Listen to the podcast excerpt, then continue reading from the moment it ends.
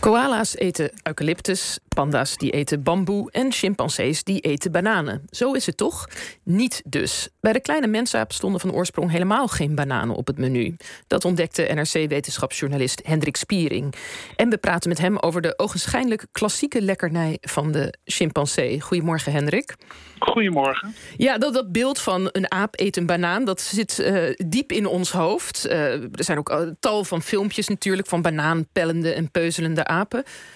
Dat beeld, dat zat, dat zat ook in jouw hoofd? Ja, absoluut. Dit is een, zeg maar de, de donkere aap met gele banaan. Dat is een mooi contrast. Dat is een, een beeld wat, ja, wat onmiddellijk bij, bij je opkomt. En je ziet het ook overal als je gaat kijken. Ja, ik, ik, had, ik had vroeger zelfs ook een soort knuffeltje van een aap met, met een banaan er dan ook bij. Dat hoort er gewoon uh, dat hoort erbij bij als accessoire. Ja. Bij ons op de krant wordt s ochtends fruit neergezet en dan uh, zitten heel veel bananen in. En vroeger namen we dan voor de hele redactie van wetenschap de banaan mee. Dat was dan ook de apenvoeren. Ja, precies. Dat ja. werd dan gezegd. Ja, jullie hebben ook de wetenschapspodcast Onbehaarde Apen... voor, voor wie, voor wie even deze, deze collegiale grapjes niet begrijpt. Maar nog eventjes, wanneer kwam jij dan eigenlijk op het spoor... dat dit beeld van aap eet banaan helemaal misschien wel niet klopte? Nou, het, uh, het was voor de serie uh, Durf te vragen. En ik, ik heb nog nagevraagd hoe wij aan die vraag kwamen. Die komt dan op bij zo'n uh, redactievergadering. Dus dat is dan, dan ga je een beetje de clichés in je hoofd na. En toen ging ik dat nakijken. En ik dacht in het begin, ja, daar kom je nooit achter. Maar dan kom je ontzettend snel achter. Omdat uh, je kijkt even en de banaan die komt uit Nieuw-Guinea. En die is daar 7000 jaar geleden gedomesticeerd door, uh, door verschillende Papua's. En daar heb je helemaal geen apen. Dus ook de wilde banaan wordt niet door apen gegeten. En in de loop van de eeuwen, is of millennia zelfs, is die bananenteelt heeft zich verspreid. En die bereikt dan ja, rond het begin van de jaartelling misschien, dat is niet helemaal duidelijk, langzaam Afrika via de Arabische lijn en Madagaskar en zo. En ja, de, de, de, de, de wilde chimpansee in Afrika, om het tot chimpansees te beperken, maar ook de gewone apen, die zijn gek op bananen, maar het, het komt van buiten. Het is geen natuurlijk voedsel voor ze. Hoe weten we dan hoe is dat beeld dan ontstaan? Waar begint dat? Want dan is het waarschijnlijk dat de mens is begonnen die aap uh, een banaan te voeren. Waar, waar, waar, waar begint dat dan? Ja, je kan. Er is in. Uh, want ik, ik ging in de oude literatuur zoeken. En toen vond ik een, een verslag van de Zoological Society in Londen uit 1839. En ja, vrij terloops komt daar dan een verslagje van een luitenant in Sierra Leone, een militair, gewoon een koloniale militair een Brit, die had dan een aap daar gekocht, een chimpansee. En die vertelt dan, die heeft hij dan cadeau gedaan ook later aan de Zoological Society. Dus die was uiteindelijk Bamboe heette die aap. Die ging naar Londen uiteindelijk. Maar terwijl hij nog in Sierra Leone was, ja, moest hij die aap natuurlijk te eten geven. En toen gaf hij hem dus uh, onder andere bananen. En een van de hoogtepunten van dat verslag is het moment waarop hij besluit om die aap geen banaan te geven. Omdat hij al genoeg gegeten had s ochtends misschien op brood gehad of weet ik veel, andere vruchten. En die aap die werd zo onvoorstelbaar kwaad, dat is een prachtige beschrijving, dat hij met zijn hoofd tegen de muur gaat slaan en zich zo hard op een kast werpt dat hij weer op zijn rug erachter valt en schreeuwen, krijsen dat die, ja, die arme legerluitenant die veel kan hebben, maar dit kennelijk te veel vond, dacht, nou, dan geef ik toch maar een banaan. Maar weer een banaantje, ja. En, en zijn er dan nog meer voorbeelden? Dit is natuurlijk een hilarisch en ook heel dramatisch voorbeeld. Maar zijn er dan nog meer voorbeelden van hoe, hoe wij die aap als het ware uh, de banaan opdringen omdat we weten dat hij het lekker vindt? Ja, daar is, je, kan, je kan daar twee antwoorden op geven. Je hebt zeg maar een structureel effect dat eigenlijk de banaan in, in het Westen, in, in de cultuur, pas eind 19e eeuw uh, verschijnt. Omdat dan uh, een banaan bederft vrij snel. Dus je moet snel vervoer hebben en koeling. Nou, dat is allebei aanwezig rond 1900. En dan wordt er dus ook massief geïnvesteerd in het propageren van bananen. En dan verspreidt de banaan zich echt als een soort volksvoedsel. Dan, die worden eerst nog op straat verkocht en zo.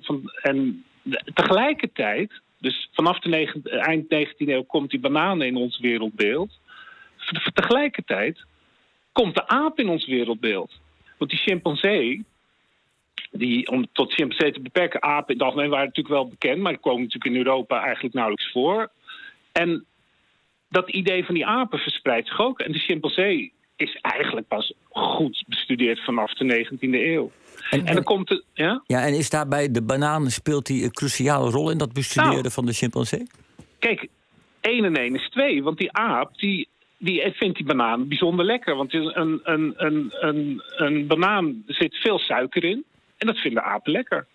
Ja, en Omdat ze van nature vruchten eten, waar ook suiker in zit. Een soort, soort marker eigenlijk. Ja, maar, is het wel goed voor, voor die apen dan eigenlijk, of ja, niet? Ja, maar we mogen nog even terug naar één voorbeeld, Hendrik. Ja. volgens mij is een prachtig voorbeeld van een intelligentietest... met zo'n aap en een banaan. Precies, dat, dat moet je even vertellen. Die, uh, want een van de beroemdste testen... ik denk dat bijna iedereen dat kent. Als je, het zit vaag in je geheugen.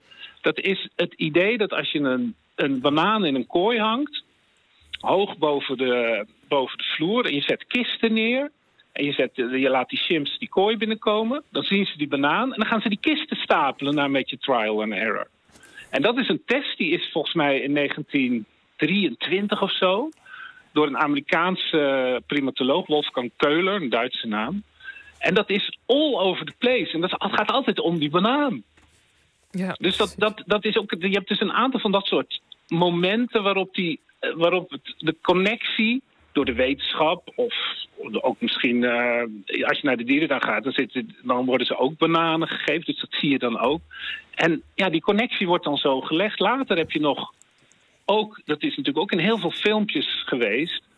In uh, de beroemde uh, onderzoeken in Afrika. Ben ik even de naam kwijt. Wij zoeken weer. Jane Goodall. Ja, Jane dat, Goodall. Dat hoe kan ik, wilde, er, ja, ik wilde net vragen wat haar rol was. Als er, als er één link is tussen mens en aap, dan is het Jane Goodall. Heeft hij ook ja, bananen Jane... gegeven aan de chimpansees? Nou, kijk, je hebt een groot bos met kolonies van aap, van chimpansees. Hoe bestudeer je die? Die lopen weg als je er naartoe gaat. Dus de, tegenwoordig wordt dat wat minder gedaan. Maar de traditionele wijze vanaf de jaren 60, Japanners hebben dat ook gedaan in, uh, in Afrika. Je gaat ze bijvoeren, ofwel uh, suikerriet, wat ze ook bijzonder lekker vinden, of bananen. Maar is het nou eigenlijk, dat, dat, dat wilde Julie net vragen, die andere vraag hangt op onze lippen. Is het eigenlijk wel gezond voor die aap, uh, zoveel banaan?